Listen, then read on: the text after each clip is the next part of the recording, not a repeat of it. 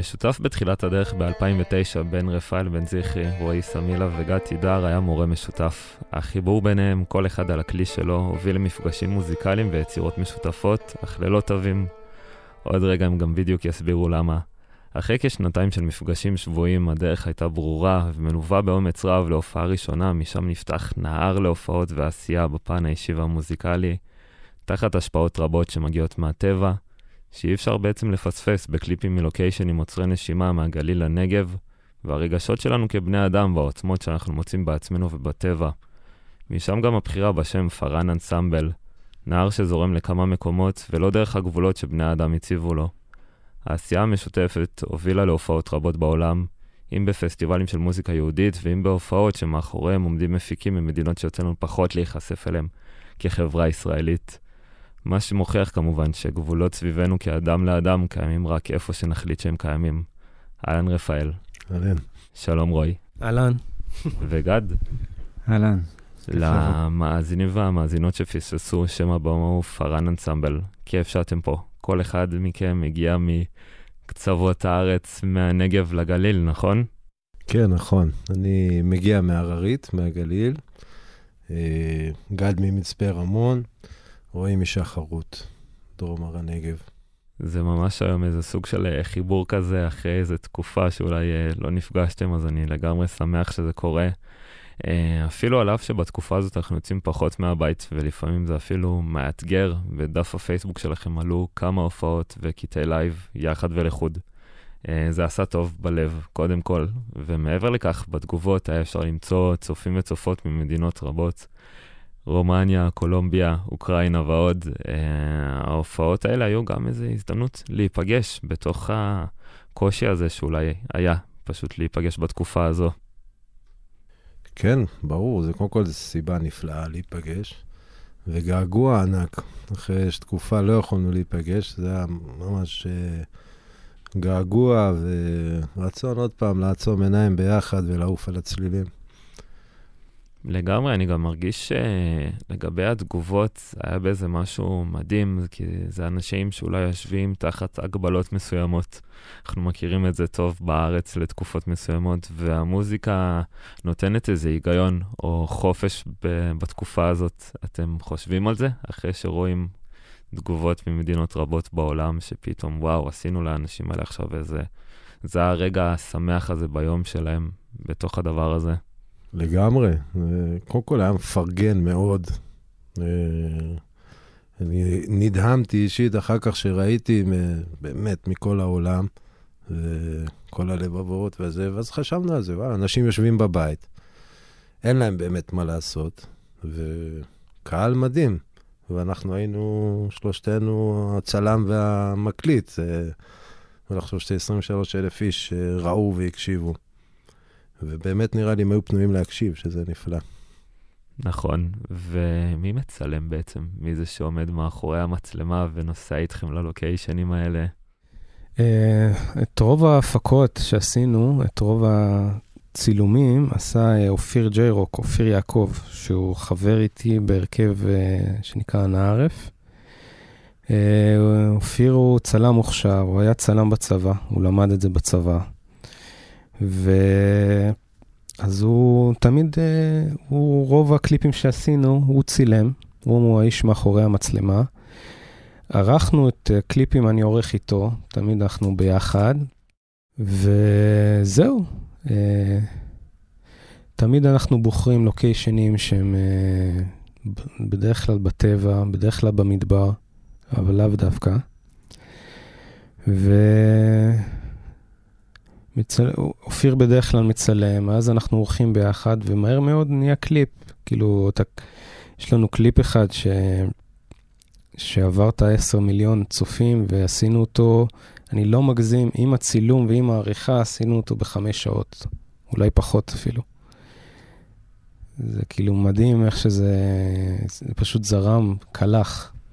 אנחנו עוד מעט נקשר את ההרמוניה הזאת שאפשר למצוא בקליפים שעשיתם ככה, באמת בזרימה מסוימת, גם לאלבומים, שזה לא שאתם ננעלים uh, חצי שנה באולפן ועכשיו עושים מלא מלא פרוססים, אלא זה יוצא ממכם וזורם ממכם אחרי המון נגינה משותפת. כן, זה תהליך ארוך שעברנו. זאת אומרת, התחלנו כהרכב. במשך יותר משנה, פשוט לנגן אה, פעם בשבוע, היינו נפגשים, אם זה במרכז או במקומות אחרים, היינו נפגשים וצוללים לתוך הלילה לניגון, שלא היה לו מטרה, זאת אומרת, לא היה לו הופעה שאנחנו מתכוננים אליה, או איזו הקלטה מסוימת. פשוט עשינו את זה מאהבת המוזיקה, מאהבה של היצירה, מהרצון לפרוק מוזיקה. אה, זה בער בנו באותה תקופה, עדיין זה בוער.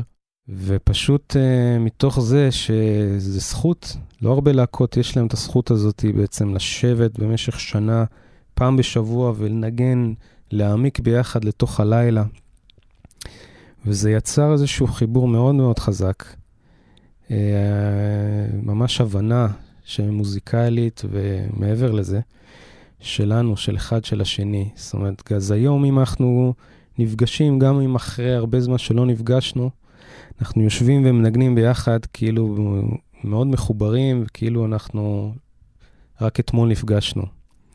זה קסם שקורה רק אם uh, באמת יושבים ומעמיקים במשך תקופה. כן, וההיכרות הזאת באמת קורית uh, ב-2009, uh, דרך מורה משותף שהיה לכם, כל אחד למד אצלו בתקופות אחרות. Uh, כמובן שכל אחד מכם גם מנגן על כלי אחר. אה, הסאונדים והצלילים שמשתלבים יחדיו, והמאזינים והמאזינות באמת לא יכולים לראות את הכלים שנמצאים פה, אז אני אשמח שתספרו עליהם גם מהפן הוויזואלי וגם מהפן של הצליל. אה, כל אחד מכם מנגן על כלי אחר. אה, כן, אני מנגן על קמנצ'ה, שקמנצ'ה זה בעצם הסבא של הכינור, אפשר להגיד. זה בעצם כינור, אה, שש, כינור ברך, כלי קשת. אני מנגן על כלי שיש בו חמישה מיתרים. זה כלי שהוכן לי ספציפית, בדרך כלל הצורה הקלאסית שלה זה ארבעה מיתרים.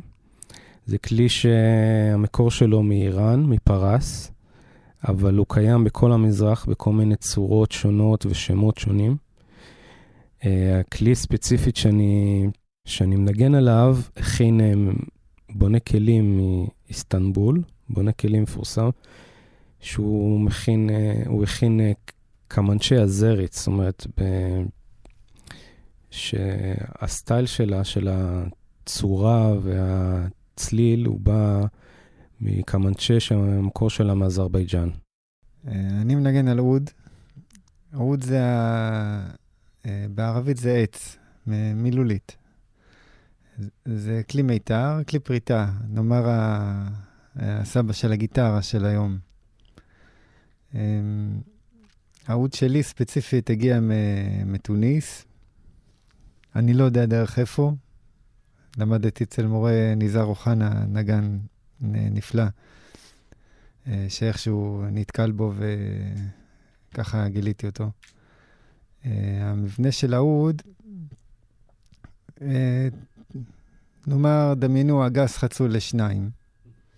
זה ה... ומיתרים מתוחים עליו. בעבר היו לו ארבעה מיתרים, עשויים גיד או אור, ועם השנים מתפתח לשישה מיתרים, ויש כבר אודים עם uh, שבעה. Uh, אני מאמין שכמה שנים הלאה יספרו על שבעבר היה לו עוד שישה מיתרים, כי זה הולך ורואים את זה יותר ויותר. Uh, אני מנגן על כלי הקשה. אה, כל מיני סוגים, גם אה, פרסים, גם ערביים, אה, או טורקיים, פריימים למיניהם, ריק, דרבוקו, דאולה, דהול, יותר נכון. פריימים, אמרתי. זהו, זה, ה... זה העניין שלי פה. אם פארן יוצא לך יותר לנגן בכלי הקשה ספציפי, או שאתה לגמרי, זה יכול להשתנות uh, תוך כדי ההופעה? לא, בהופעה אני מנגן uh, בדרך כלל ארבעה כלים שונים, uh, ועכשיו זה מתרחב. Uh, זאת אומרת, uh, פתחנו, פתחנו את המחלקה שלי לעוד, uh, לעוד שני כלים. מדהים. את חלק מהקטעים שנשמע היום אתם בעצם הולכים לעשות בלייב, ואחד מהם הוא דיונה. אז... Uh, עכשיו זה שלכם. זה היה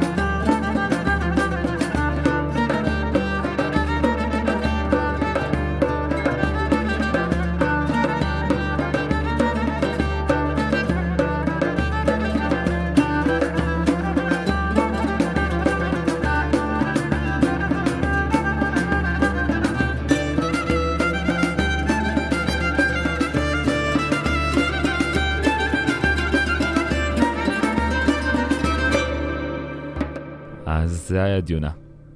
ואני רוצה לחזור דווקא להתחלה, בערך ל-2011, אחרי כשנתיים שאתם בעצם נפגשים לפחות פעם בשבוע לנגן ביחד, כמו שאמרתם, לתוך הלילה, אה, מגיעה ההופעה הראשונה, שהיא בעיקר לחברים. וההשפעות המוזיקליות שלכם אז וגם היום הן לא רק מוזיקה מהמזרח, אה, גם רוק, והשפעות יותר מערביות, אפשר להגיד. ודווקא ההופעה הראשונה, הצורה שבה הגשתם אותה, אה, הייתה קצת אחרת. אתם מנגנים בערך שעה וחצי, קטע אחרי קטע, שזה מתאים, זה סטייל כזה של הופעה, אה, ובעצם ממש מחברים בין השירים. אה, זה נשמע מאוד אינטנסיבי אה, מהצד שלכם, ומאוד חווייתי לקהל. זה משהו שאימצתם אחרי זה, או שזה היה רק אה, מול החברים בעצם, הצורת הופעה הזאת?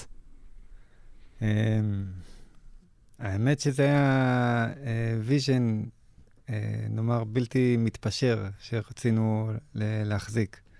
של לקחת את המאזינים למסע אמ, בלי הזדמנות לצאת. זאת אומרת, מנגנים יצירה אחת ארוכה של אה, נדמה לי 45 דקות, היו לנו שתיים כאלו, ו... ולצלול לתוך זה, ושקטע מוביל לקטע, ועם המעברים, הכל היה תפור ומדויק, וזה היה, אה, זה היה חוויה מאוד, אה, מאוד חזקה להכין את זה ולנגן את זה. אחרי שמנגנים כזה דבר, אתה מרגיש כאילו יצאת מחלום, סוף הנגינה. וזו החוויה שרצינו להעביר לקהל. אה, בהמשך, למען האמת, גילינו שזה, וואלה, קשה להכיל כזה דבר. למאזין, וגם לנו כנגנים, אנחנו צריכים רגע את ההפסקה, את הנשימה, אה, להתרענן, המאזין צריך את ההפסקה הזו. אה, אבל בהחלט, כמו שאמרת, זה, זה בהשפעה ישירה, אפשר לומר, של פינק פלויד מבחינתי. וה... זאת אומרת, אנחנו נוהגים לומר ההשפעות של המכה, המוזיקה של המזרח, שאגב, זה מונח מוזר, כי זה מוזיקה מכאן.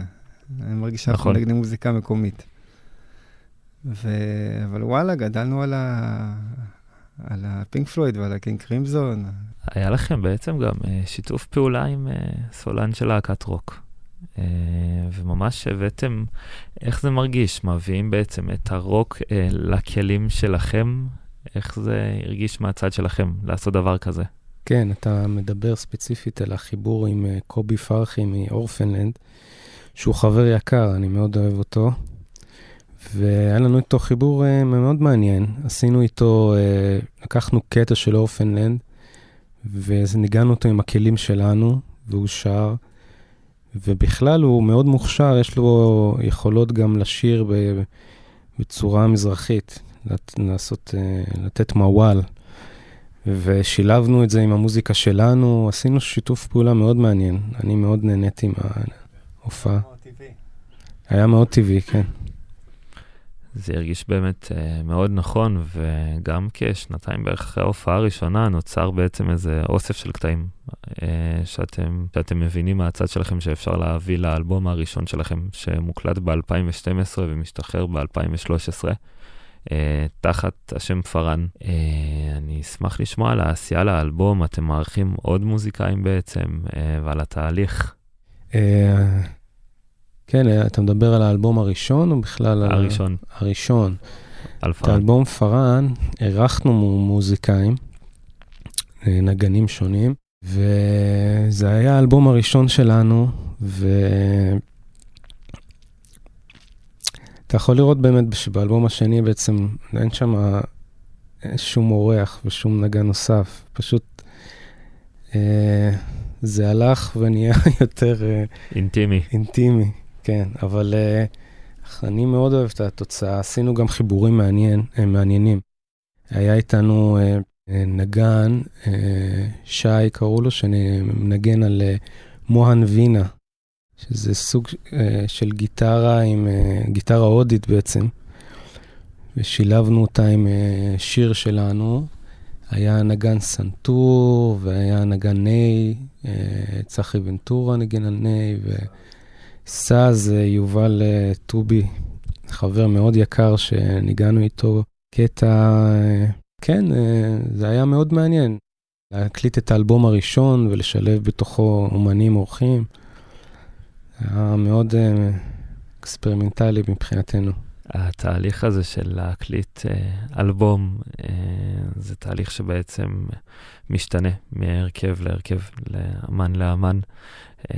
לפעמים מקליטים המון המון טייקים, ולפעמים זה יותר דומה לנגינה דווקא שיושבים, וזה סוג של jam, ובעצם זורמים ונותנים לאיזה פלואו לקרות. איך זה היה אצלכם?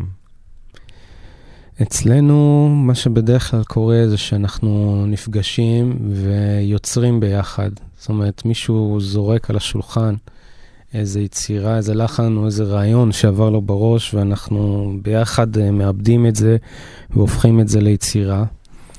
וברגע שמתקבץ מספיק מזה, אז אנחנו אה, מקדים את הכל לאלבום ויושבים ביחד, ובעצם, כשאני חושב על זה, כל האלבומים שלנו זה הקלטת live. זה אומר שאנחנו בעצם יושבים ביחד ועם מיקרופונים פתוחים ומנגנים.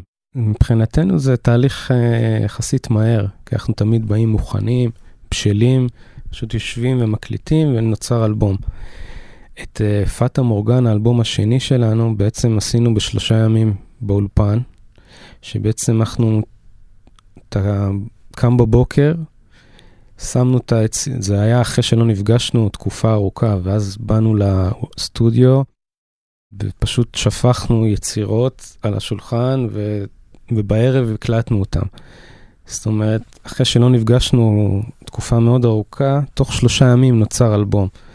וזה באמת, באמת משהו אמיץ, שאני לא מכיר הרכבים שעושים דברים כאלה. בדרך כלל, הרכבים צריכים להתבשל עם הקטעים ועם ה... ששום קטע בעצם לא אולי נבנה מראש, הכל מאוד על השולחן רגע, כן. ואתה מתחיל לנגן משהו, ואז מצטרפים אליך, אה, או הפוך. בדיוק, מאבדים את זה תוך כדי תנועה, ויושבים בבוקר ולוקחים את הקטע, ובערב הוא כבר מוכן להקלטה. זה בעצם אה, היה התהליך בפאטה מורגנה, ש... מבחינתי זה היה תהליך מדהים. תוך שלושה ימים הבאנו, אה, לקחנו את הפירות והפכנו את זה בעצם ל, ליצירה אחת, לאלבום אחד.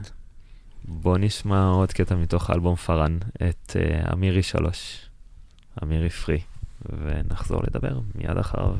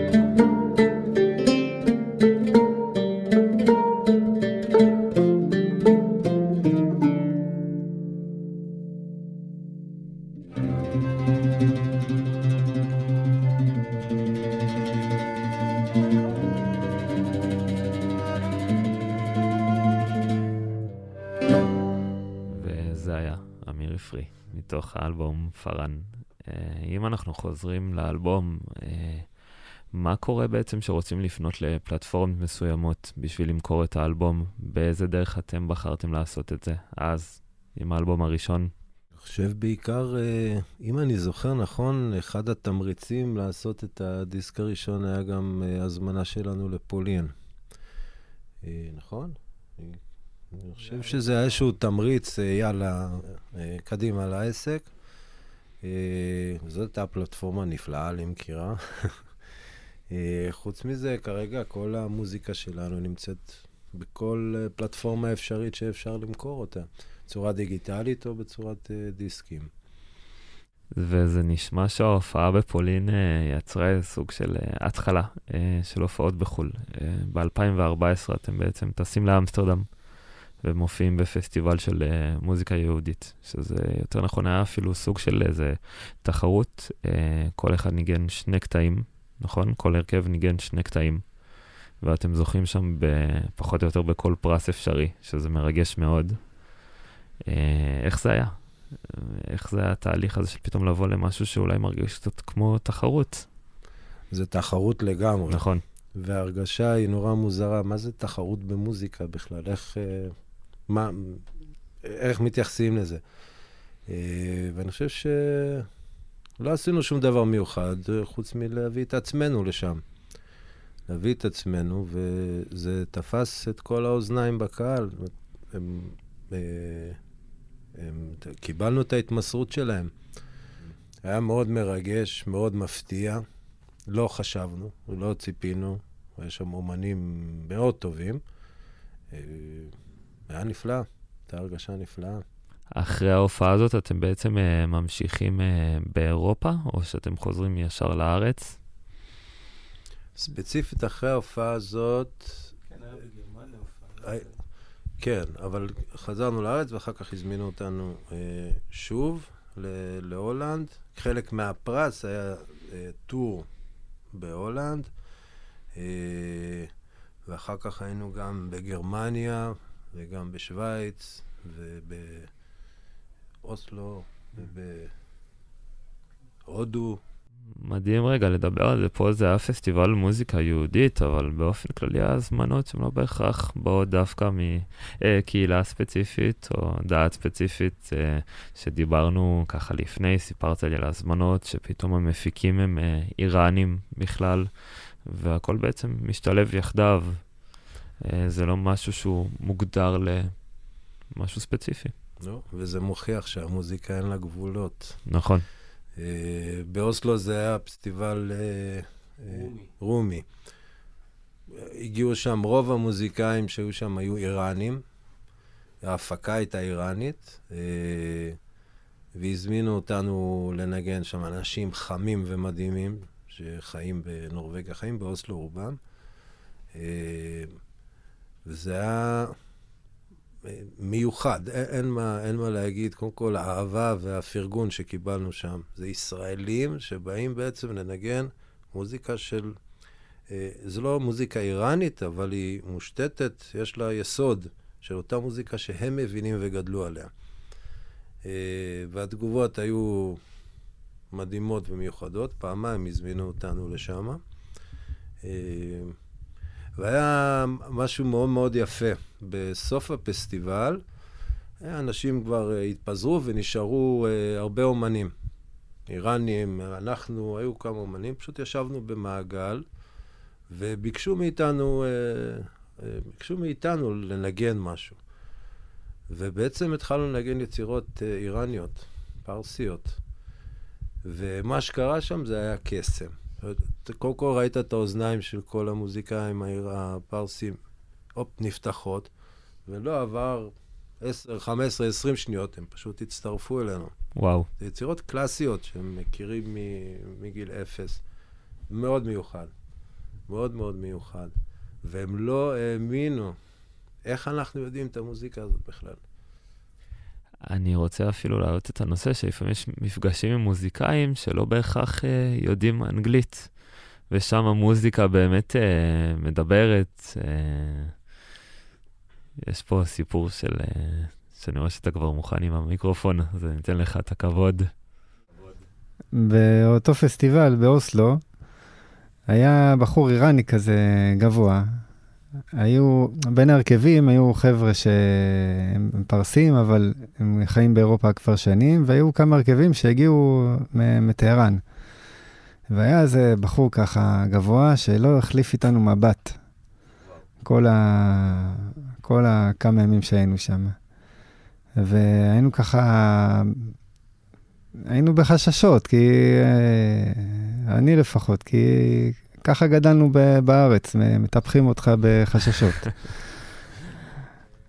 ו... ובטיסה הוא ישב כיסא מאחורינו. ואז התחלנו ל- לדבר, ומיד התחברנו, והוא לא ידע אנגל...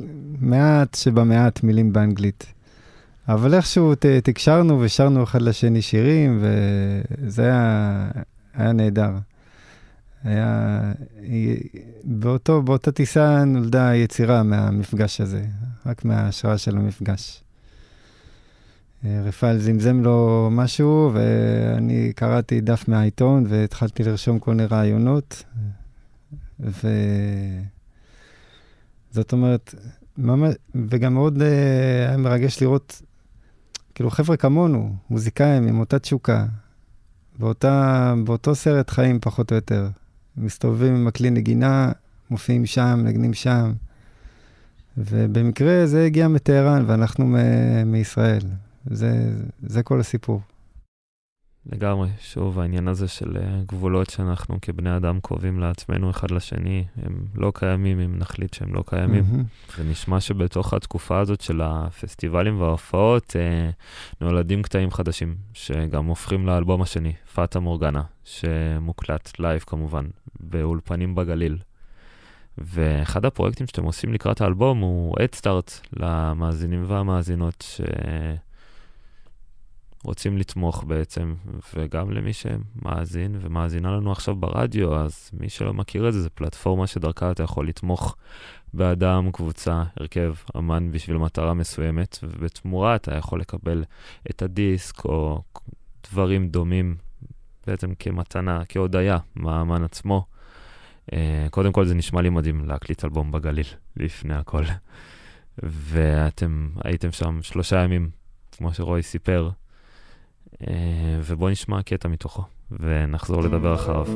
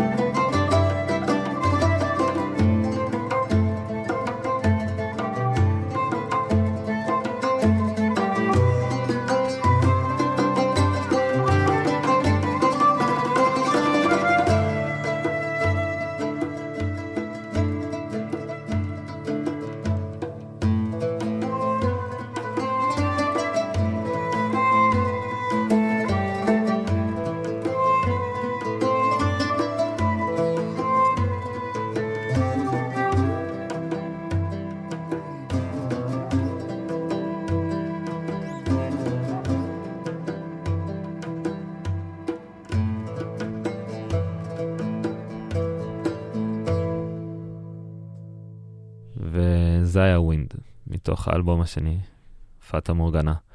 אה, וכמו שהדברים מתפתחים עם השנים, גם אתם ב-11 השנים האחרונות שפארן אנסמבל קיים, ולעוד המון שנים טובות ומאחדות, אז uh, גדלתם יחד.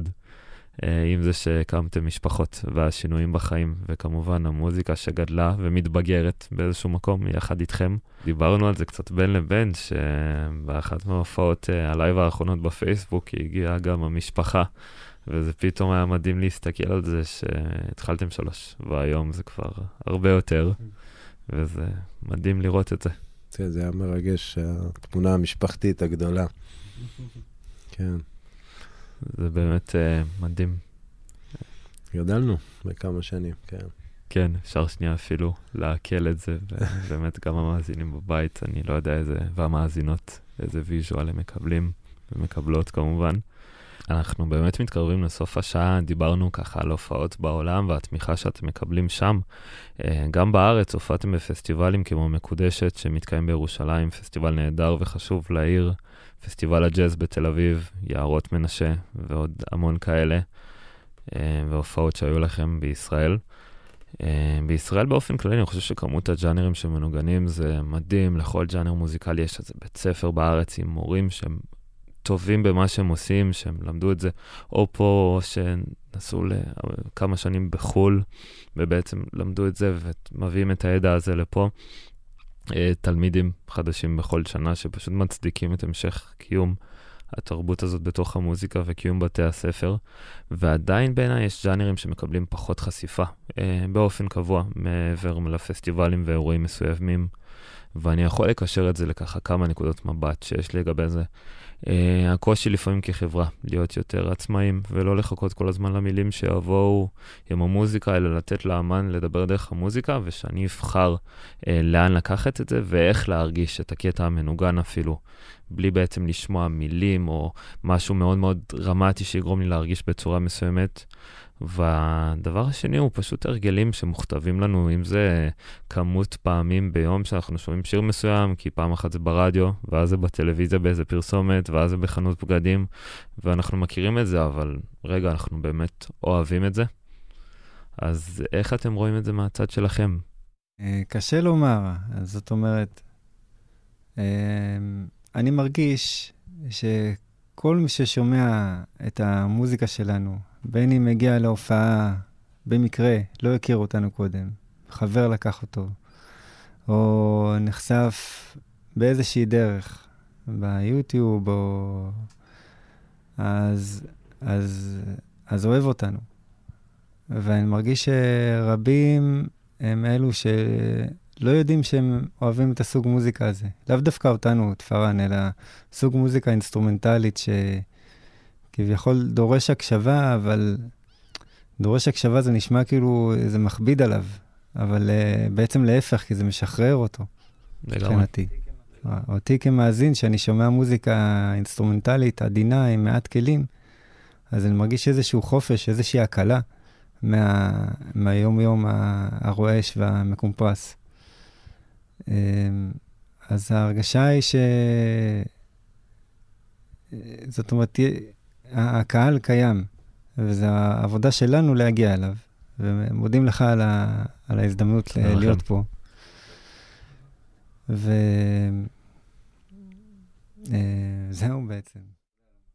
אני רק יכול, אחרי מה שאמרת פה בעצם, גד, זה להזמין את כל המאזינים והמא... והמאזינות אה, להאזין למוזיקה חדשה, לפחות פעם בשבוע, אם זה אלבום, אם זה אלבום חדש יש לנו היום כולנו ב Apple Music וב Spotify, אמן שלא הכרנו, סגנון מוזיקלי מסוים. אה, ואם אנחנו מדברים על האלבומים של פארן אנסמבל, אז אפשר למצוא את זה באתר שלהם, וגם בפייסבוק כמובן קטעי live והופעות שהקלטתם במהלך התקופה הזאת. אבל uh, רגע לפני שאנחנו מסיימים, אנחנו כל השעה הזאת דיברנו על הקליפים שלכם, אבל בעצם אתם גם השתתפתם בקליפים של אחרים, ולא סתם אחרים, U2. נבחרתם לייצג את uh, המזרח התיכון בתוך הקליפ הזה. וזה באמת, קודם כל העשייה של U2 היא מדהימה, וגם הקליפ הזה שיש מאחוריו המון say ואמירה, אז uh, גם למאזינים והמאזינות שלא אוהבים את U2, רק בשביל לראות את ה-360, זה נשמע לי חוויה בפני עצמה. Uh, ואני ממש מזמין אתכם לעשות את זה עכשיו, uh, עד השעה הבאה, שערן זמיר יהיה פה עם ה setup המפואר שלו והדגמות ב live. פארן אנסמבל, שוב תודה רבה. אה, אני מקווה שנוכל ממש להיפגש בקרוב, ברגע שיפתחו המופעים ומרכזי התרבות, שסגורים כבר כמות ימים ממש אה, לא הגיונית, או ללא הצדקה נראית לעין. אה, וכמובן גם ההופעות בעולם והטיסות, אני לא יודע, יש שם מדינות אדומות, מדינות ירוקות, עשו את כולנו בצבעים, אנחנו כבר כולנו בסוף אותו דבר. ושאני מקווה שיחזרו במורא ותוכלו להמשיך את, המפ... את המסע הזה, וכמובן לא לתת לגבולות למנוע מכם להגיע לאן שתרצו, ממש כמו הנער. Uh, זו תוכנית המוזיקה של גלי צה"ל, אני כהן, וניפגש בשעה הבאה עם ערן זמיר. thank you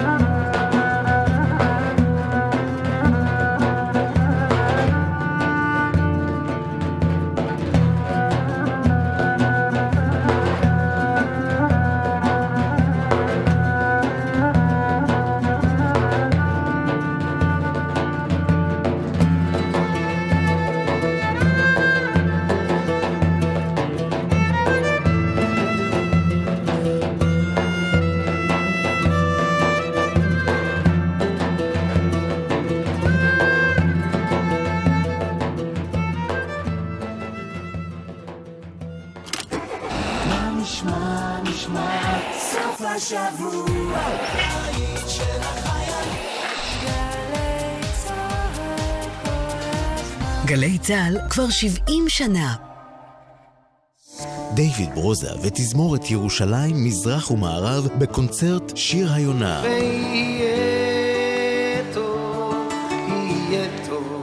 כן. חגיגה מוזיקלית לרגל הסכם השלום עם איחוד האמירויות. המנצח והמנהל המוזיקלי תום כהן.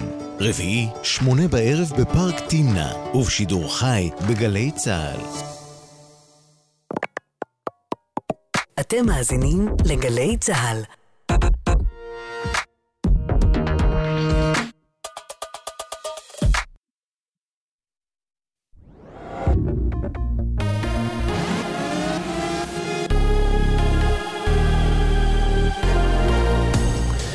גלי צה"ל השעה 11, לילה טוב ושבת שלום, כאן רונן הירשלר עם מה שקורה עכשיו. גורמי מודיעין אמריקניים סבורים כי ישראל היא זו שעומדת מאחורי חיסול אבי תוכנית הגרעין האיראנית מוחסן פחריזאדה היום בטהרן. עוד אמרו לעיתון הניו יורק טיימס כי לא ברור היקף המעורבות של ארצות הברית במבצע וכמה וושינגטון ידעה עליו מראש. בבית הלבן, כמו גם בירושלים, מסרבים להגיב לפי שעה. אם כי גורם אמריקני אומר הערב לרשת CNN כי ממשל טראמפ עוקב מקרוב אחר האירוע וכי זה הולך להיות עניין גדול, אמר ולא פירט. ידיעה שמסרה כתבת חדשות החוץ רומי פרידמן. תושב ירושלים נעצר בחשד שדקר ופצע קשה את אחיו ואת אשתו של האח בבית בעיר.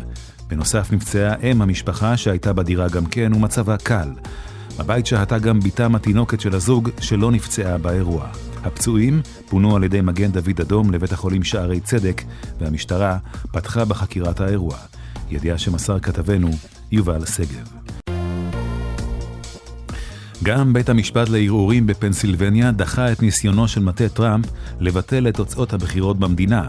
שלושת שופטי ההרכב קבעו כי אין כל עילה מוצדקת לטענות לקרוא לבחירות לא הוגנות, לא הופך אותן לכאלה. האישומים דורשים טענות ברורות והוכחות. לתביעה אין אף אחת מאלה, כתבו השופטים בהחלטתם. הבוחרים, לא עורכי הדין, בוחרים את הנשיא. פתקי הצבעה, לא תדרוכים, מכריעים את הבחירות, נאמר בפסק הדין. התביעה הזו היא אחת מתוך 40 תביעות לפחות שהגיש מטה טראמפ בנושא תוצאות הבחירות, כשלפחות 26 מהן נדחו או נמשכו. פרקליטי הנשיא מתכוונים לערער על החלטת בית המשפט לערעורים בפנסילבניה לבית המשפט העליון של ארצות הברית. הזן המסוכן ביותר של שפעת העופות H5N8 זוהה היום גם בנורבגיה. מגדלי עופות בדרום נורבגיה נקראו להחזיק את להקותיהם בתוך מבנים, לאחר שהנגיף התגלה באווז באזור. הזן המדבק והקטלני לעופות מתפשט במהירות באירופה ומעמיד את תעשיית העופות בכוננות לאחר שבהתפרצויות קודמות השמדה של עשרות מיליוני עופות הביאה להפסדים כלכליים משמעותיים. הנגיף זוהה בחודשים האחרונים בכמה ממדינות אירופה, ולראשונה השבוע בקרואטיה, סלובניה ופולין, לאחר שפגע קשות במשקי העופות ברוסיה, בקזחסטן וגם בישראל.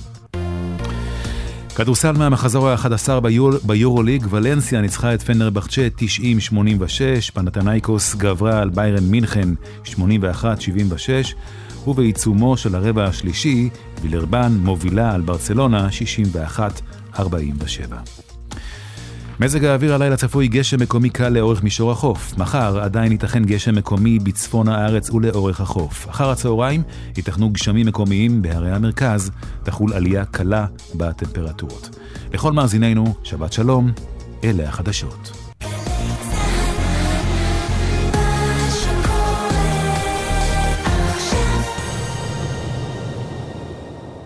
אתם מאזינים לגלי צה"ל.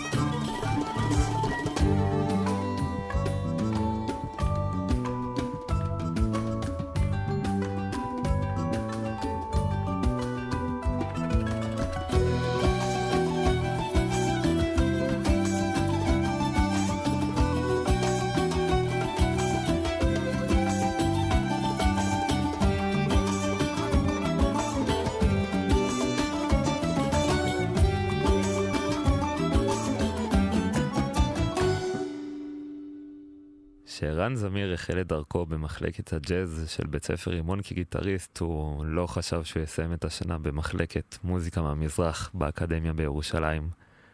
זמיר החל את דרכו בגיל 13, שהחל בלימודי גיטרה קלאסית וג'אז. כחלק מהשכלתו המוזיקלית ניגן גם בתזמורת בית ספר, ומאוחר יותר גם בתזמורת חיל האוויר.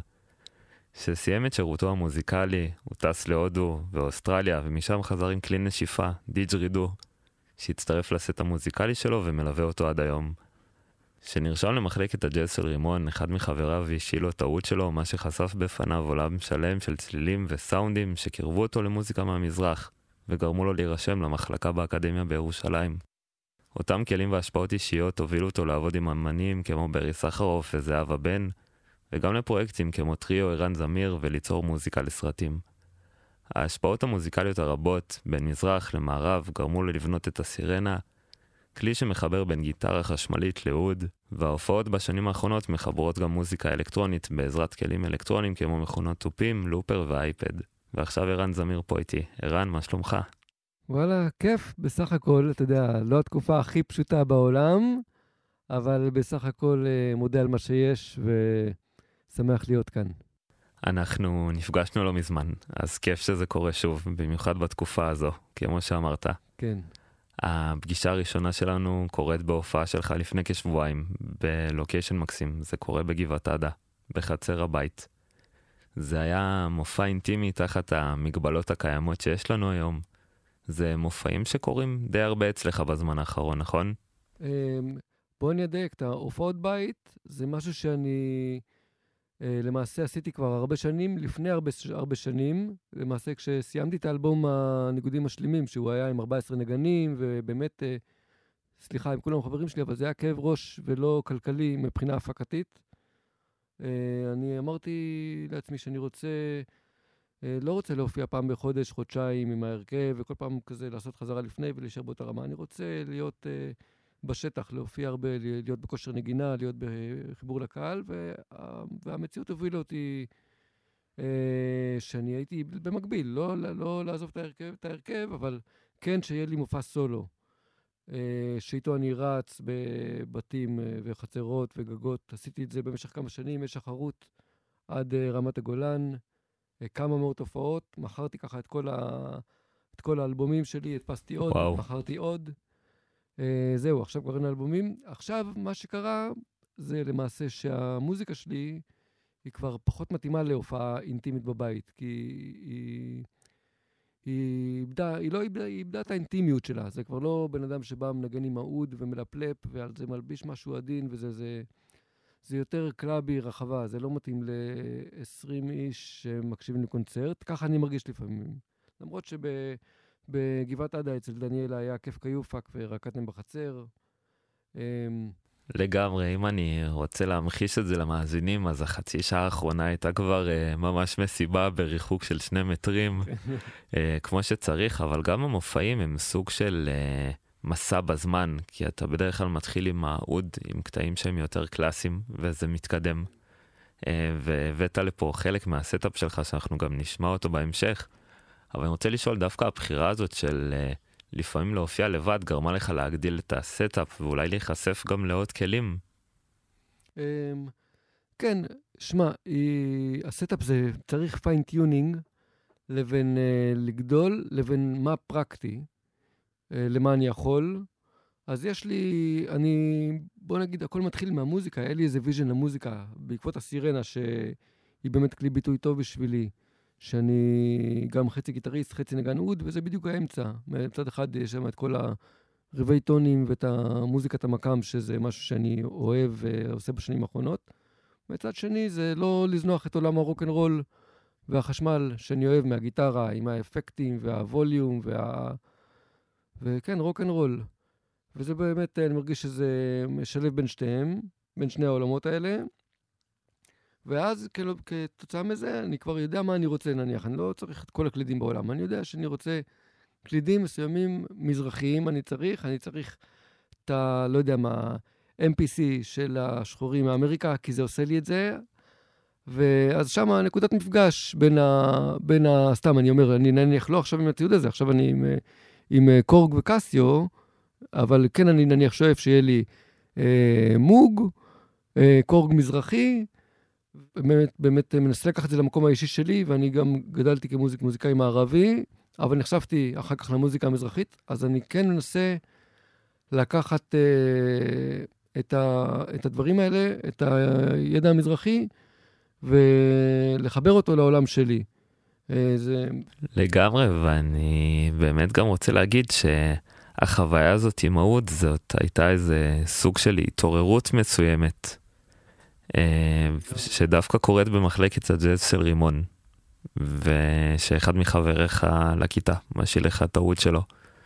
אה, והעולם החדש הזה של הצלילים שנפתח, של צלילים וסולמות, אה, איך אתה מתאר את החוויה הזאת? איך זה הרגיש הרגע הזה שקורה אז, שם? קודם כל, אני אגיד שבאמת אה, תודה גדולה ליאיר דלל, שאצלו התחלתי, הוא היה מורה ברימון, והוא חשף אותי לעולם הזה, והוא גרם לי לאהוב את זה, והשיעורים איתו, זה היה משהו שהייתי מחכה לו, משהו קסום בסטודיו שלו שם בנמל יפו. היה לו super vibe, הוא תיקן איתי בשיעור הראשון את האוד, אז היה לי איזה אוד מצרי ב-150 שקל. ותוך כדי, אתה יודע, אתה, אני רגיל לארבעה רבעים, שלושה רבעים, מז'ור, מינור, דיסטורשן, זה השפה שלי, כאילו, גם בג'אז נגעתי וזה, אבל זה השפה, פתאום אני, רבע טון, כבר מעקם לך את המוח, שולח אותך לאנשהו. פתאום איזה גרוב מגניב, אה, ישר, כבר אתה כאילו אומר, מה זה הדברים האלה? איזה, איזה, איזה עולם מסתתר לי כאן מתחת לאף, שאני... תמיד הייתי, אהבתי בוסתן אברהם, שמעתי בתיכון כזה בתור ילד סקרן, אבל לא משהו ש... שחפרתי אותו, ופתאום זה הדליק אותי. זה היה משהו fresh, מעורר. להיות גיטריסט, בוא נגיד, אני לא, לא הייתי הגיטריסט הכי טוב בעולם, אבל ידעתי את הדרך. כבר ידעתי את התרגילי פיתוח שמיעה שאני צריך לעשות, ידעתי את התרגילי טכניקה שאני צריך לעשות ארפג'י, מודוסים, סולמות, changes. כאילו, סבבה, יוסי לוי, המורה, הוא מדהים, גיטריסט מדהים, אומר לך, לך תעשה את התרגילים האלה, שזה למעשה תרגילים ל lifetime. כן, זה endless, כאילו, וזה כבר, העניין שזה כבר לא כל כך הדליק אותי. אה, ופתאום מצאתי את האוד, שזה היה גם הצליל שלו, שאתה מחבק אותו, ומאוד אינטימי ומחמם את הלב, ועל הבטן מרוטט, וגם כל העבודה עם המקאמים והשפה, והשפה של המקאם, לא השפה הערבית, זה דווקא לצערי אין לי.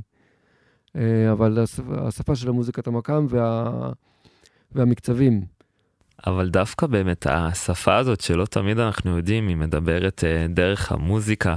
אה, אני מנחש שלפעמים אתה מקבל פניות על אה, כל מיני קטעים שאתה מעלה לרשתות החברתיות, וזה חבר'ה ממדינות זרות שבחיים אולי לא היה לך איתם דיאלוג, אבל פתאום דרך המוזיקה הדיאלוג הזה נוצר ומוביל לעוד הרבה דברים בהמשך. כן. אני ראיתי שאפילו בפייסבוק העלית תמונה שאתה מלמד איזה בחור מחו"ל, וזה קורה דרך הזום. נכון, כן, עכשיו זה עולם קטן.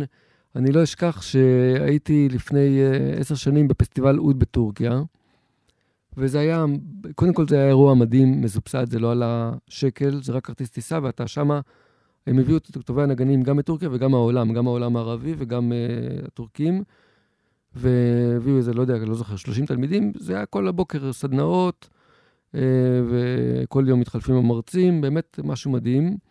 והיו שם חבר'ה נגני אוד מבר, מברזיל, והם אומרים לי, אתה מישראל, איזה כיף לך, אתה רק יוצא מהבית, יש לך נגני אוד, מורים, כלים. אנחנו בברזיל, עם האינטרנט מנסים לקרוא איזה טוטוריאל על להזמין מיתרים, הכל קשה, קשה.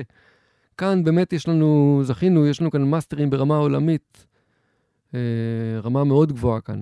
לגמרי, וזה גם, uh, ההחלטה הזאת להתמקד באוד מובילה אותך ממש לעבור ללמוד במחלקה למוזיקה מהמזרח של האקדמיה בירושלים.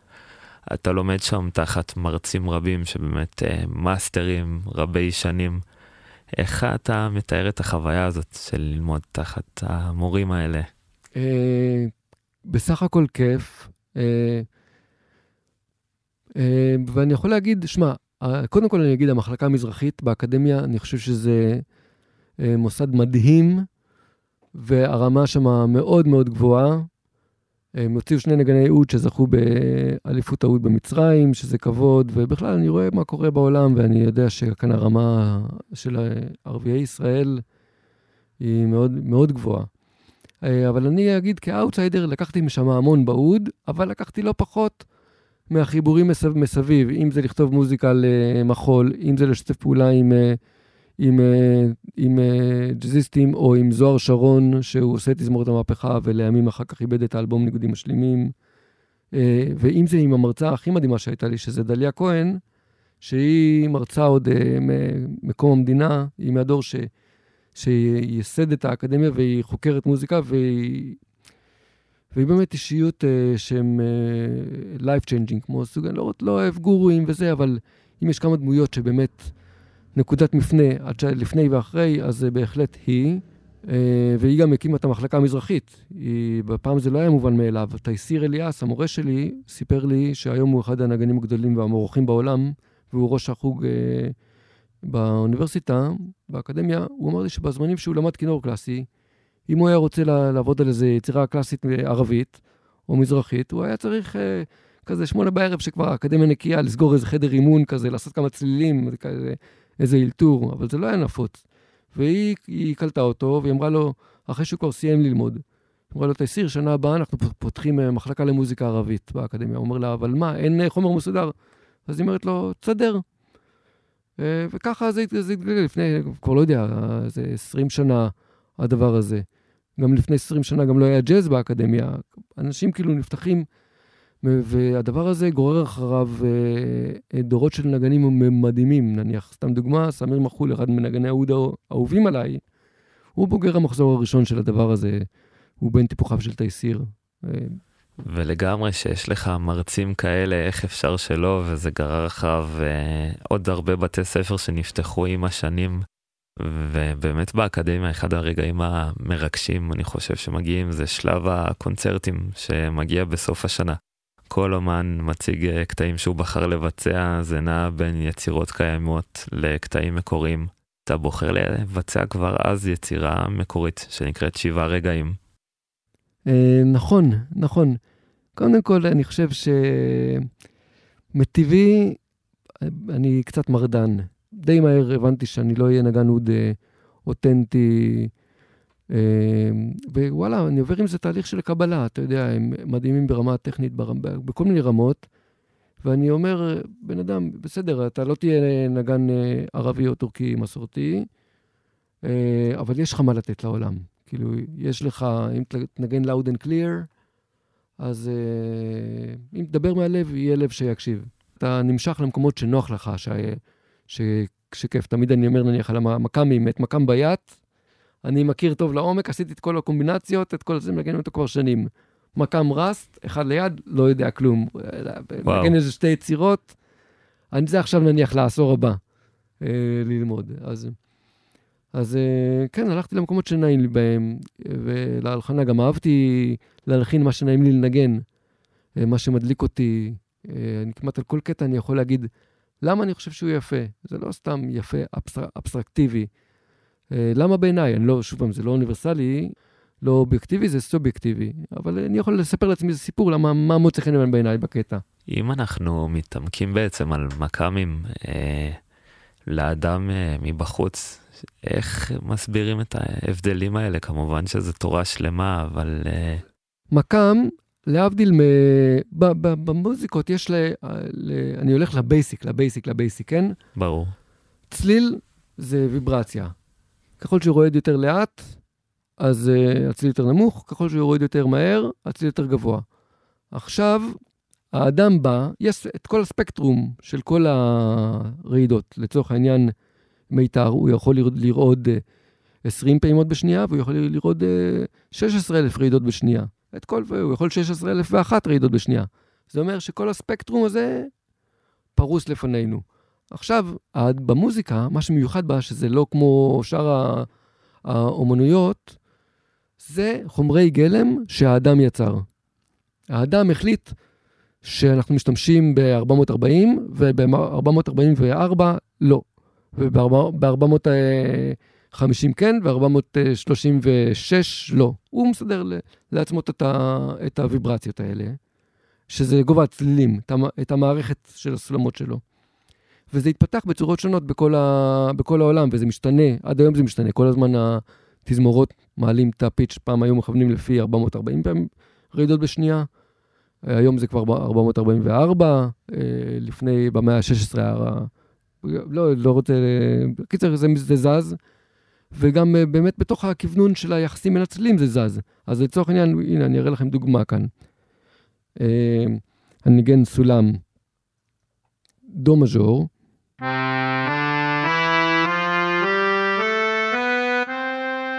ונרד אותו. עכשיו אני אנגן רק את החמישה צלילים הראשונים שלו.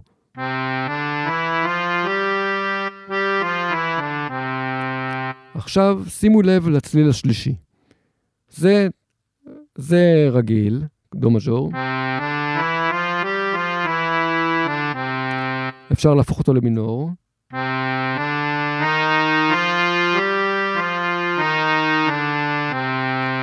חוזר.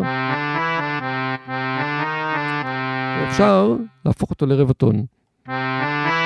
אה.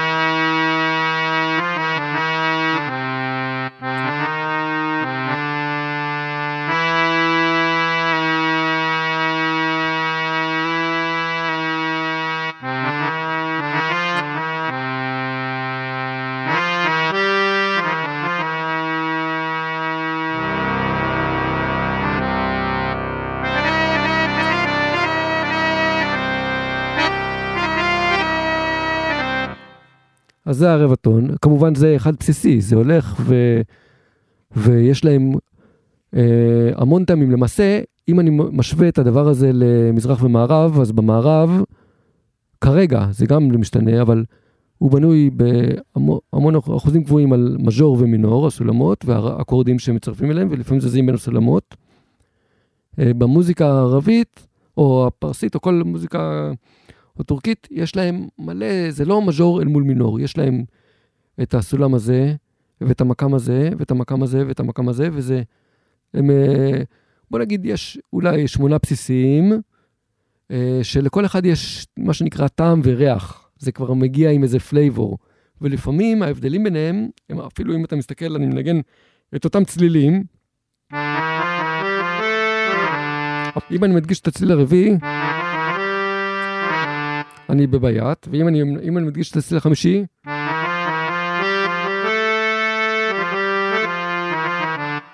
זה יהיה חוסייני. סתם בגלל שאתה מדגיש איזה צליל אחר. הוא מגיע כבר עם איזה התנהגות, עם איזה קצב מסוים, עם... Uh... בגלל זה כל פעם, תמיד אני הרגשתי שהגעתי לאקדמיה, אמרו לי שהקלאסיקאים, שהערבים באקדמיה הם יותר קלאסיקאים מקלאסיקאים. צליל אחד לא מסוגנן ואתה שרוף. יענו, אם אני עושה משהו מנגן ביד, ואני עושה משהו לא אופייני, או, או כזה, אה, זה לא... אין, אין לך הרבה ניסיונות שם. כאילו, כמובן שזה לא נכון, הם פתוחים, סקרנים, מקבלים.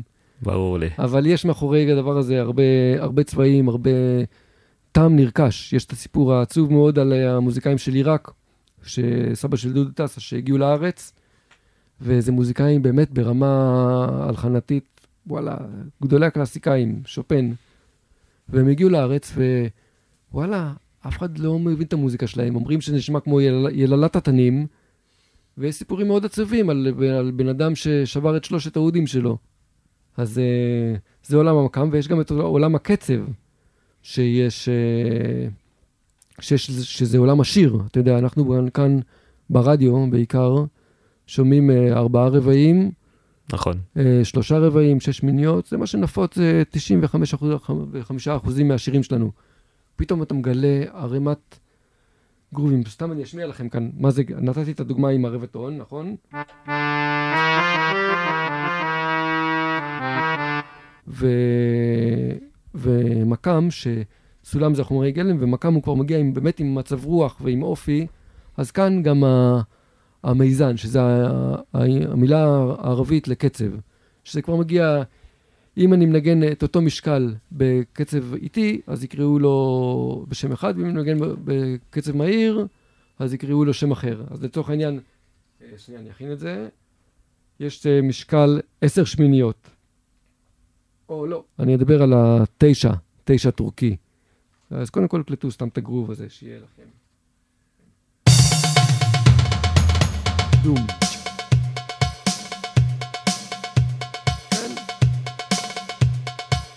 בואו נספור את זה. 1, 2, 1, 2, 1, 2, 3, 1, 2, 1, 2, 1, 2, 1, 2, 3, 1, 2, 1, 2, 1, 2, 1, 2, 3, 1, 2, 1, 2, אפשר לעשות עוד טריקים.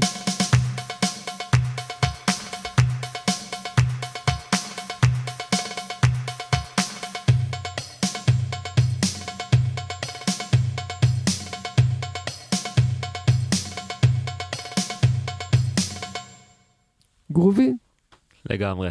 גם, גם אני חושב שזה גרובי. יש עוד דברים מעבר לארבע רבעים, אה, ש... כן, פשוט למה לא? השילובים האלה בעצם אה, לפעמים, עכשיו דיברנו יותר על מוזיקה מהמזרח, אבל השילובים של המערב, אה, אנחנו מוצאים הרבה פעמים אה, שיתופי פעולה כאלה. בעצם למשל באלבום הראשון שלך, ברוח טובה, אז הקטעים אולי יותר מהמזרח, ואז באלבום השני, בניגודים משלימים, יצרת בעצם כל מיני עיבודים שמשלבים בין לבין עם 14 נגנים. ואני רוצה שלפני שאנחנו ממשיכים לדבר על זה, בוא נשמע קטע מתוך האלבום הזה, בשביל לתת למאזינים והמאזינות להרגיש, ובוא נשמע את שבעה רגעים, שהיה גם באלבום הראשון, ואז עוד פעם באלבום השני. נכון, נדבר על זה אחרי, על ה... זה בכוונה, זה לא בטעות, כן? לגמרי, תהנו.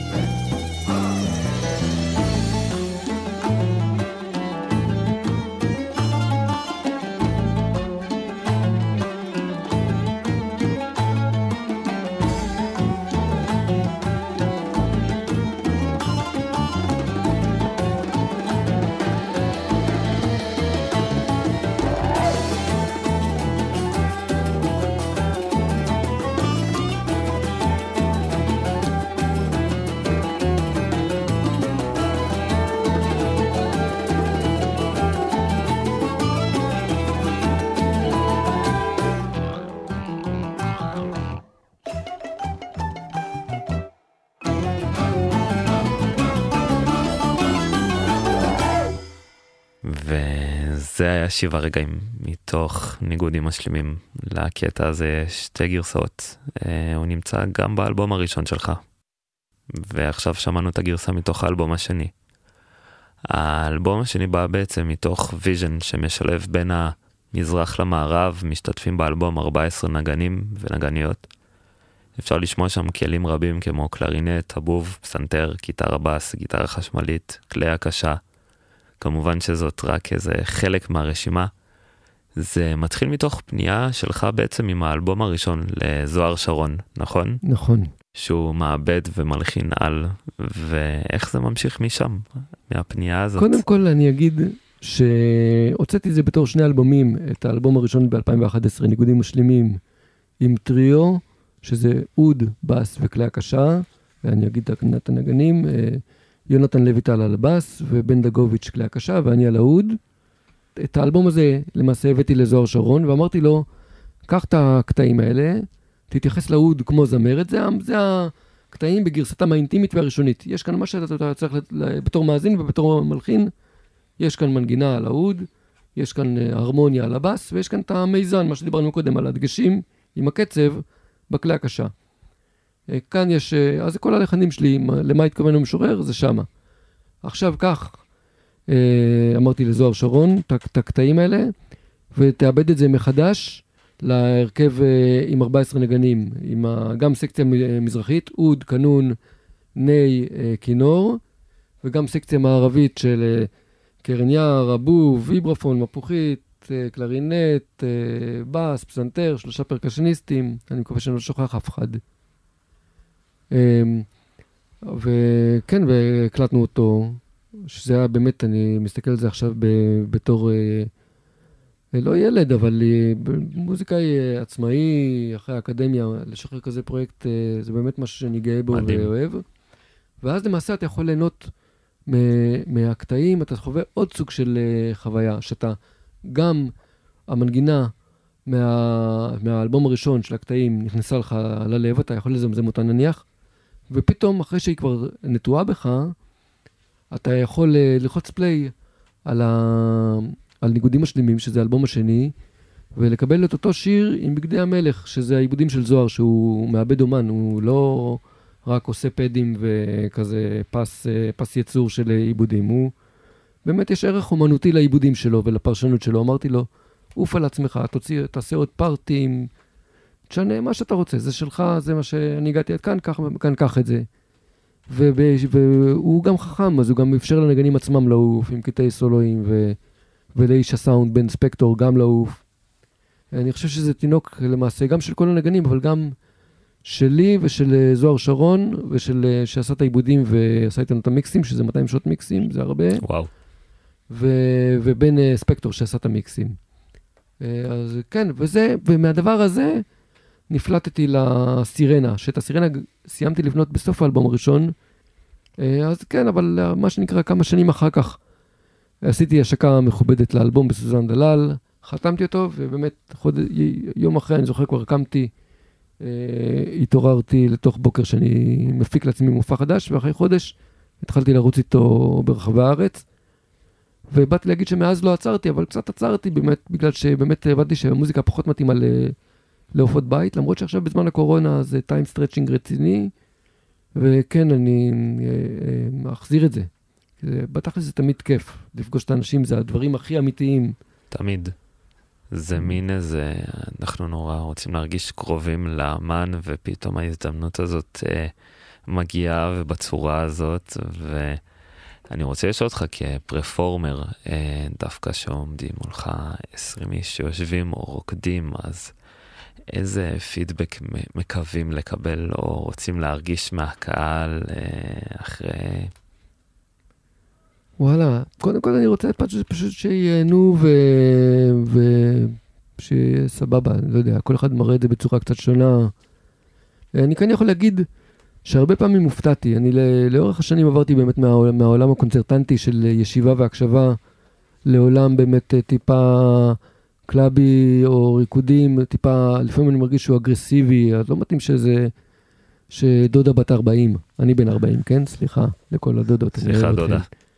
אבל כאילו, פתאום תבוא לי שאני חופר טרנסים, אה, זה כזה קצת מצחיק, אבל, אבל אה, אני תמיד, תמיד אני מופתע שדווקא הדודה הזאת, שאני מסמן אותה בתחילת המופע, ואני אומר, וואי, מה, מה הכנסתי את עצמי, ואיך היא הגיעה לכאן, ומה אני זה, תמיד, כאילו, תמיד, או הרבה פעמים, היא הראשונה שאומרת לי, וואלה, בוא'נה, בסוף המופע, אחלה מוזיקה, נהניתי מכל רגע. לגמרי. you can never know, ודווקא החבר שאתה רוצה שיבוא וישמע, ולפעמים הוא פשוט נעלם לאיזה שחטה עם חבר, בכלל הלך לאנשהו. זה וגם, אתה, הנה, עכשיו המו- המופע איתנו, הריאיון הזה, מה זה, זה לא היה מופע עם הרבה אנשים בגבעת עדה, נכון. אבל מספיק בן אדם אחד, הנה, עכשיו אתה היית שמה, שבוע, שבועיים אחרי זה, ריאיון ברדיו. היה לי כזה מופע בגוש עציון, שהיה שם מישהו שעושה דוקומנטרי לאמריקה, שבא אליי, עשה לי עליי אחלה דוקו, עשר דקות, כאילו, כאילו סבבה. אתה, you can never know. לגמרי, הדבר הזה גם הוביל, אה, הפגישות האלה עם אנשים, הובילה, אחד מהם הובילה למוזיקה לסרט שאתה עשית, נכון? נכון. זה איתי שלמברג, שאיתי שלמברג זה חבר, אה, חבר אה, יקר, שנפגשנו כשהוא פנה אליי שאני אעשה לו מוזיקה לסרט שהוא עשה, סי מינור. זה היה לפני הרבה שנים, ואיכשהו זה התגלגל שבמקום אה, לשלם לי כסף, הוא יצלם לי איזה קליפ שניים. והתחלנו ולא הפסקנו, עד היום אנחנו עושים עניינים. לגמרי. האמת, אה, הוא יותר אה, עשה לי, איתי, אני אוהב אותך, תודה על הכל, מאשר אני עשיתי לו, תעשה סרט ואני אעשה לך את המוזיקה עוד פעם בכיף. אני אומר לו. אה, גם לאט לאט אני מרגיש שאני עוד פעם בשל לזה, כי עוד פעם אני משמיש את היכולות האולפן הביתי שלי, וקצת אה, יוצא מהאוד אל הקלידים, אלא פתאום מתחיל אה, לדבר... נכון, זה משהו שבהחלט קורה בתקופה הזאת, שפתאום יש אה, זמן אה, לשבת בבית, ושככה אנחנו מדברים בין השירים, אז סיפרת על אה, קוצים בישבן שיושבים באולפן, כי אה, רוב הזמן הרי היית מנגן על כלים שהם אקוסטיים, ופתאום לשבת רגע באולפן ולהזיז ככה עם העכבר את הדברים, אז כן. איך חושב- זה... ואני חושב שמה ששינה את זה, זה האייפד, ששם גם הייתי מחויב, כי עשיתי הדסטארט והרבה אנשים שמו כסף וזרקו אותי לתהליך הזה, וגם היה לי דדליין מאוד חמור שהייתי צריך להספיק להופיע עם זה בחו"ל. אה, רק אני מספר שאת האייפד שלי ואת ה setup זה יחזקאל רז ייעץ לי לעבור לאייפד במקום ה looper וה multi, כי זה יותר קל, יותר חכם. ואני רוצה דווקא שרגע נתעכב בעצם על האדסטארט הזה שסיפרת עליו, זה... אם אני לא טועה, קראת לזה זמיר אלקטרוני. וואי, אני כבר לא זוכר. אה, וכן, ואתה בעצם הזמנת אנשים לבוא ל- ולתמוך בשביל setup חדש להופעות, השילוב הזה בין הז'אנרים הוא תמיד מאוד uh, קרה לך, אם זה באלבומים ואם זה עכשיו עם ה setup החדש שפרוס פה לפנינו. Uh, וואו, איפה מגיעה ההחלטה הזאת? Uh, מצד שני יש את האוד שהוא מאוד קלאסי, עם המון המון שנים אחורה, כן. ופתאום לשלב אותו עם משהו שהוא אלקטרוני ודי חדשני. בתקופה שהקמתי את ה setup של האייפד, אז מאוד אהבתי את התחושה שיד שמאל למעשה היא נוגעת באוד, שזה, והיא נוגעת במערכת של המקם, שזה משהו מאוד עתיק. אה, אומרים שהאוד הוא קיים, אה, לא יודע מה, 2,000-3,000 שנה. אז, ולאט לאט אתה מתקדם, מהאוד אתה מתקבל למולטי, והמולטי קצת יותר חדש. ומהמולטי אתה מתקדם לאייפד, ובאייפד יש לך כבר עולמות עם טאץ' שאתה צולל לתוך איזה עולם תלת מימד של... אה, שאתה מצופף כל...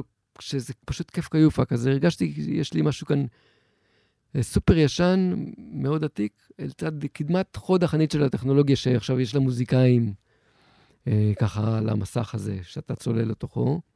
אחרי כל זה, בוא נשמע ממנו איזה טעימה קצרה, בשביל להרגיש אותו באמת. רציתי דווקא להשמיע לכם, אם אני כבר כאן, דווקא כאן תכננתי לא לנגן את המופע שלי, כי יש את כל החומרים באינטרנט, כאן רציתי לראות לכם איך אני נניח עובד. ומקודם שמענו את התשע הטורקי, את הדום פאק, דום, דום פאק, דום פאק, את הגרוב הזה, וסתם איך אני לוקח אותו למקום שלי. אז בואו נראה, יש לנו כאן את את הקלידים לידי- ואת ה synthy bass כאן, בואו נראה שנוח לי. זה היה synthy כמובן. אוקיי, אז נניח זה הגרוב.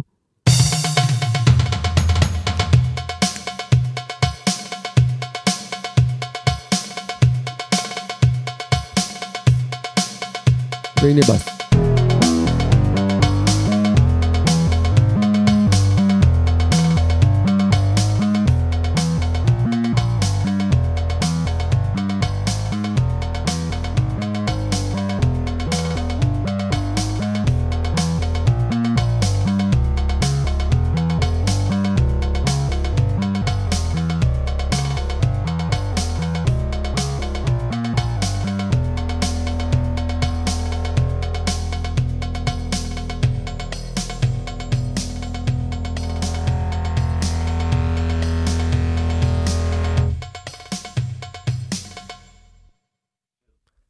חשוב לי לדבר בעצם על המנגינת תופים הדי מסורתית הזאת, על synthy שהוא די חדש עם סאונד די מתכתי, וזה מאוד מתחבר ביחד וקורה, אה, שזה באמת מדהים.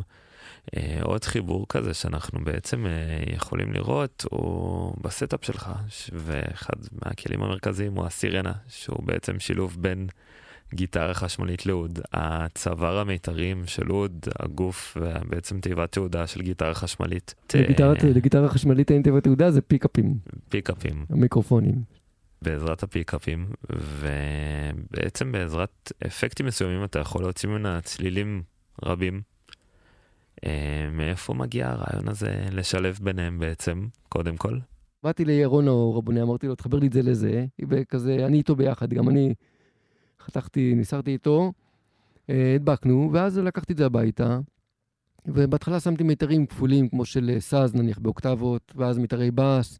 לא כל כך היה ברור מה, מה יצא לי מזה, חיפשתי. לאט לאט אה, הגעתי למסקנה, למסקנה ש, שאני הולך על מיתרים בודדים, כי מהסיבה הפשוטה שמיתרים כפולים, כמו שיש באוד ובג'ומבוש, הם נותנים לך אה, שלושה דברים. אה, עוד ווליום, אין לי בעיית ווליום עם הגיטרה החשמלית, אני מסובב את הכפתור ויש לי כמה ווליום שאני רוצה. הם נותנים צבע, אין לי בעיה של צבע, יש לי, יש לי מולטי אפקט, אני עושה פייזר, מה זה, קורוס, מה שהם רוצים, מה, ש, מה ששני מיתרים עושים, ואני עושה, ואני עושה גם יותר, כי יש לי עוד הרבה אפקטים. ומבחינה טכנית, הרבה יותר קל לנגן על uh, מיתרים בודדים. Uh, כן, אז פשוט הלכתי על זה ככה, ומאז זה שרד. כל כמה שנים אני משדרג אותה, אני רוצה אולי נשמע לה כמה צלילים שנייה. לגמרי, וגם חשוב להגיד שעד שלא ראיתי את זה פרונטלי, היה לי מאוד קשה לדמיין את זה בראש, אז אני מזמין את המאזינים והמאזינות לכתוב בגוגל ערן זמיר סירנה. זה כבר יוביל אתכם למקום הנכון, אם זה וידאוים כאלה ואחרים, אה, באמת להבין איך הדבר הזה נראה. עדיף, עדיף ערן זמיר uh, button session, כי היוטיוב שלי, כמו, כמו הרבה uh, עצלנים כמוני, הוא לא מתוחזק הכי טוב, אז הכי טוב זה בהופעה לבוא לראות. Uh, ערן זמיר בטון זה האחרון, והוא באמת, שם רואים את כל הסט מקוצר, אבל uh, שם מקבלים תמונה. בוא נשמע כמה צלילים. אוקיי, אז באמת הסירנה זה באמת צליל, צליל של חשמלית, עם, עם צוואר שילוד, זה אומר שהרבי טונים, אני יכול לנגן אותם.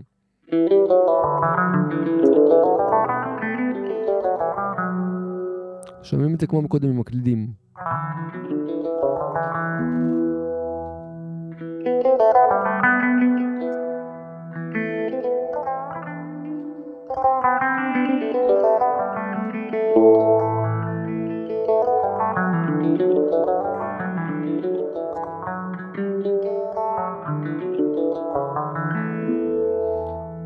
אז זה הסירנה, ועכשיו, מה שמיוחד בסירנה זה מעבר לרבעי טונים שאני יכול לנגן איתם, זה הפיקאפים שלה. הפיקאפים זה המיקרופונים, ושמתי לה מיקרופון מיוחד שנותן לי ססטיין. ססטיין זה משך צליל, הוא גורם למיתר להמשיך לרעוד. אם בכלי מיתר שומעים צליל כל עוד המיתר רועד, או רוטט, כזה נניח.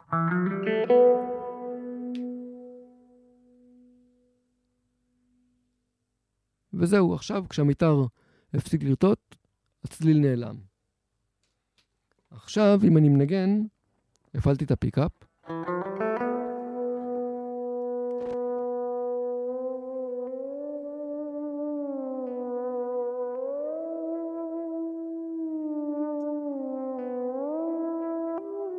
עם ערבי טונים.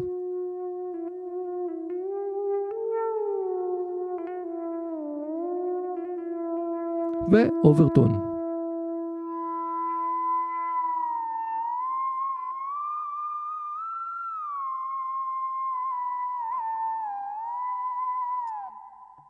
קיבלנו פה גם סוג של uh, צליל שאולי לא בהכרח נשמע כמו גיטרה חשמלית ולא כמו אוד, בזכות האפקטים האלה. זה היה קלין, זה היה מיתר אקוסטית רועד. Mm-hmm. זה היה ממש uh, רק עם ריברב והפיקאפ המיוחד, אבל אני כן שם על זה אפקטים כמו זה נניח.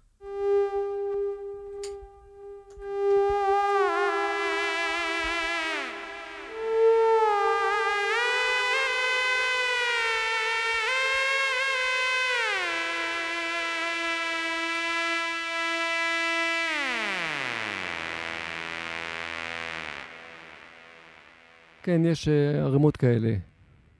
אמ, אז כן, זה די, אה, די כיף, אני נהנה, נהנה מהסירנה. ואתה יודע, חווינו פה עוד איזה חוויה של צליל שאולי אה, חווינו בפעם הראשונה, או לפחות לא בצורה הזאת. מעבר להופעות שלך עכשיו, ב-2015 אתה מפיק פסטיבל תחת השם שירת הכלים, בו מופיעים אמנים רבים, חלקם גם שותפים לדרך. זה קורה בתקופה שיש אה, המון הרכבים אוריינטליים, בתי ספר ומורים שקיימים עד היום כמובן. זה מתקיים על יומיים ומתארחים בערך 20 אמנים והרכבים. ספר לי על ה vision שפתאום הגיע עם המופע הזה. אז באמת אה, זה היה פסטיבל אה, שניסה לאגד את כל הסצנה, את כל הסצנה האוריינטלית המקורית שיש בארץ. שיש כזה עושר מסביבנו, כמו אנסמבל פארן, שמגיע לכאן אחריי. הם גם ניגנו שם. אה, אבל, אבל לא באמת, אתה יודע, אם אנשים מנסים להביא 20 אנשים ללוונטין, ואמרתי, חבל שאני אנסה להביא 20 אנשים ללוונטין, ואנסמבל פארן ינסה להביא 20 אנשים ללוונטין, ו... ואנסמבל זמן ינסה. אמרתי, בוא, הקהל שלהם זה הקהל שלי, הקהל שלי זה הקהל שלהם. בואו נחגוג את העושר הזה של זה. ואז באמת היו 21 הרכבים עם רבע לאפריקה, שפיטה הנחתה. בין כל הרכב להרכב היה את, את ה top של ה top של המאסטרים שבאו ונתנו רסיטל. יענו, הופעה של רבע לאפריקה, אתה נכנס לחדר, זוהר פרסקו עושה רסיטל, רסיטל כלי הקשה. יוצא, הופעה של הרכב זמן, נכנס, עמרי מור נותן רסיטל פסנתר. יוצא ככה במשך יומיים, באמת הקצפת של הקצפת. כשאני מדבר על מוזיקאי, כש... שחי אורח חיים של מוזיקאי, אני מסתכל על, על מה יש בארץ להציע, אה, אני מת על הארץ. אני כאילו כל פעם חוזר כאן ואני מת עליה, אני באמת אה, חולה עליה, אבל בקטע הזה, זה, זה היא בעייתית. אני רואה את הנגנים הכי טובים בעולם יושבים כאן, והם פשוט מלמדים. אני מרשה לי רגע לקשר את זה אליך, את הנושא הזה של בעצם חיי האמן בישראל. אה, טרום תקופת הקורונה היה אמור להיות לך טור בהודו, שבעצם בוטל לתקופה מסוימת, אבל בסוף קרה מאוחר יותר על האחריות של משרד התרבות לביטול. נכון. אנחנו צריכים עוד שעה בשביל זה, בשביל לדבר על זה. אה, כמובן, אה, הכל בצורה שבה הדברים התנהלו. אבל בעצם אחד הדברים שקרו בגלל הביטול, אה, הוא שסיימת חוזה בבית שבו גרת בעין איילה. מה שהשאיר אותך באיזה אי ודאות, כי אתה היית אמור להיות בהודו. אה, בצירוף מקרים, סלש נס, הבית ממול התפנה, והוביל לסדרת מופעים תחת השם אצל זמיר בחצר. נכון. המופעים האלה קרו כמעט בכל שבת והתקיימו בחצר הבית. הייתה גם מדורה. אני לא חוויתי את זה, אבל כן ראיתי תמונות. היכולת שלך להסתכל על הדברים הטובים בתוך זה הובילו גם להרכב חדש ואלבום שבו אתה משתמש ב setup האלקטרוני שממש עכשיו דיברנו עליו. לביטול של ה tour בהודו היה סוף אה, טוב. אתה נסעת כן. להופיע בפסטיבל מאוד גדול בהודו. האמת, אני אגיד לכם, זה אפילו יצא נס. ה tour בהודו, במקור שלו היה שלושה שבועות. של הופעות כאלה, גם מגניבות, הופעות טובות, אבל עם, ושיתופי פעולה עם מוזיקאים מקומיים, וזה התבטל, אבל uh, באמת היה uh, מבאס, אבל איזה חודש אחרי, uh, פנו לאביב בכר, uh, שהוא חבר יקר ומוזיקאי מדהים, פנו אליו להופיע באיזה פסטיבל מאוד יוקרתי בהודו, זה נקרא גואליור פסטיבל. זה פסטיבל בין למעלה יותר מ-100 שנה עם המוזיקאים הכי טובים בהודו, ומי שיודע, המוזיקה ההודית זה גם מסורת מטורפת, שאתה לא קורא, לא קורא לעצמך מוזיקאי לפני שאתה בן 40 עם אלפי שעות נגינה, אתה כאילו, הרמה היא כזאת פסיכית, אני עף לי שם המוח מה, מהמוזיקאים. וכל שנה הם מביאים, מביאים כמה אומנים מחו"ל. אז השנה הם, הם פנו לאביב, והוא לא יכל, הוא המליץ עליי, שלחתי כמה יוטיובים, אמרו יאללה סבבה, אמרתי מה אתם רוצים אלקטרוני או אקוסטי? אמרו לי טריו אקוסטי, זה פסטיבל מסורתי, אקוסטי. ישר הרמתי את אה, הרכב עם אה, עמית מנחם ומאיר גסנבאואר, עם אה, אוד, ניי וכלי הקשה. עשינו שם מופע שלדעתי בזמן קצר הרמנו אותו, היה כיף כיוף, מאוד נהניתי. אפשר לשמוע אותו גם אונליין. מי שירצה שישלח לי הודעה ואני אשלח לו אותו. אם אני לא טועה, כל הפסטיבל הזה היה אפשר לצפות בו גם ב live, נכון? נכון? כן. שזה מדהים, כי אנשים מצד אחד גם קנו כרטיסים, אבל הם לא רצו לקחת את זה... הם לא קנו כרטיסים, הם, זה פסטיבל, זה העיר, זה היוקרה של העיר הזאת, זה פסטיבל שקורה פעם בשנה בעיר גואליור, אין שם, יש שם דברים, זה ליד הטאג' מעל במרחק של כמה, כמה קילומטרים, אבל הפסטיבל הזה, גולת הכותרת, הם, הם, הם, הם, הם שמים עליו הרבה כסף, ו... אבל, אבל האוכלוסייה, ההודים מגיעים, וזה 2,000 איש שמגיעים, מ... לא יודע מה, מ... אה, כל גם עשירים, עניים, ילדים, מבוגרים, גדולים. אני חטפתי שם צמרמורת מהקשבה.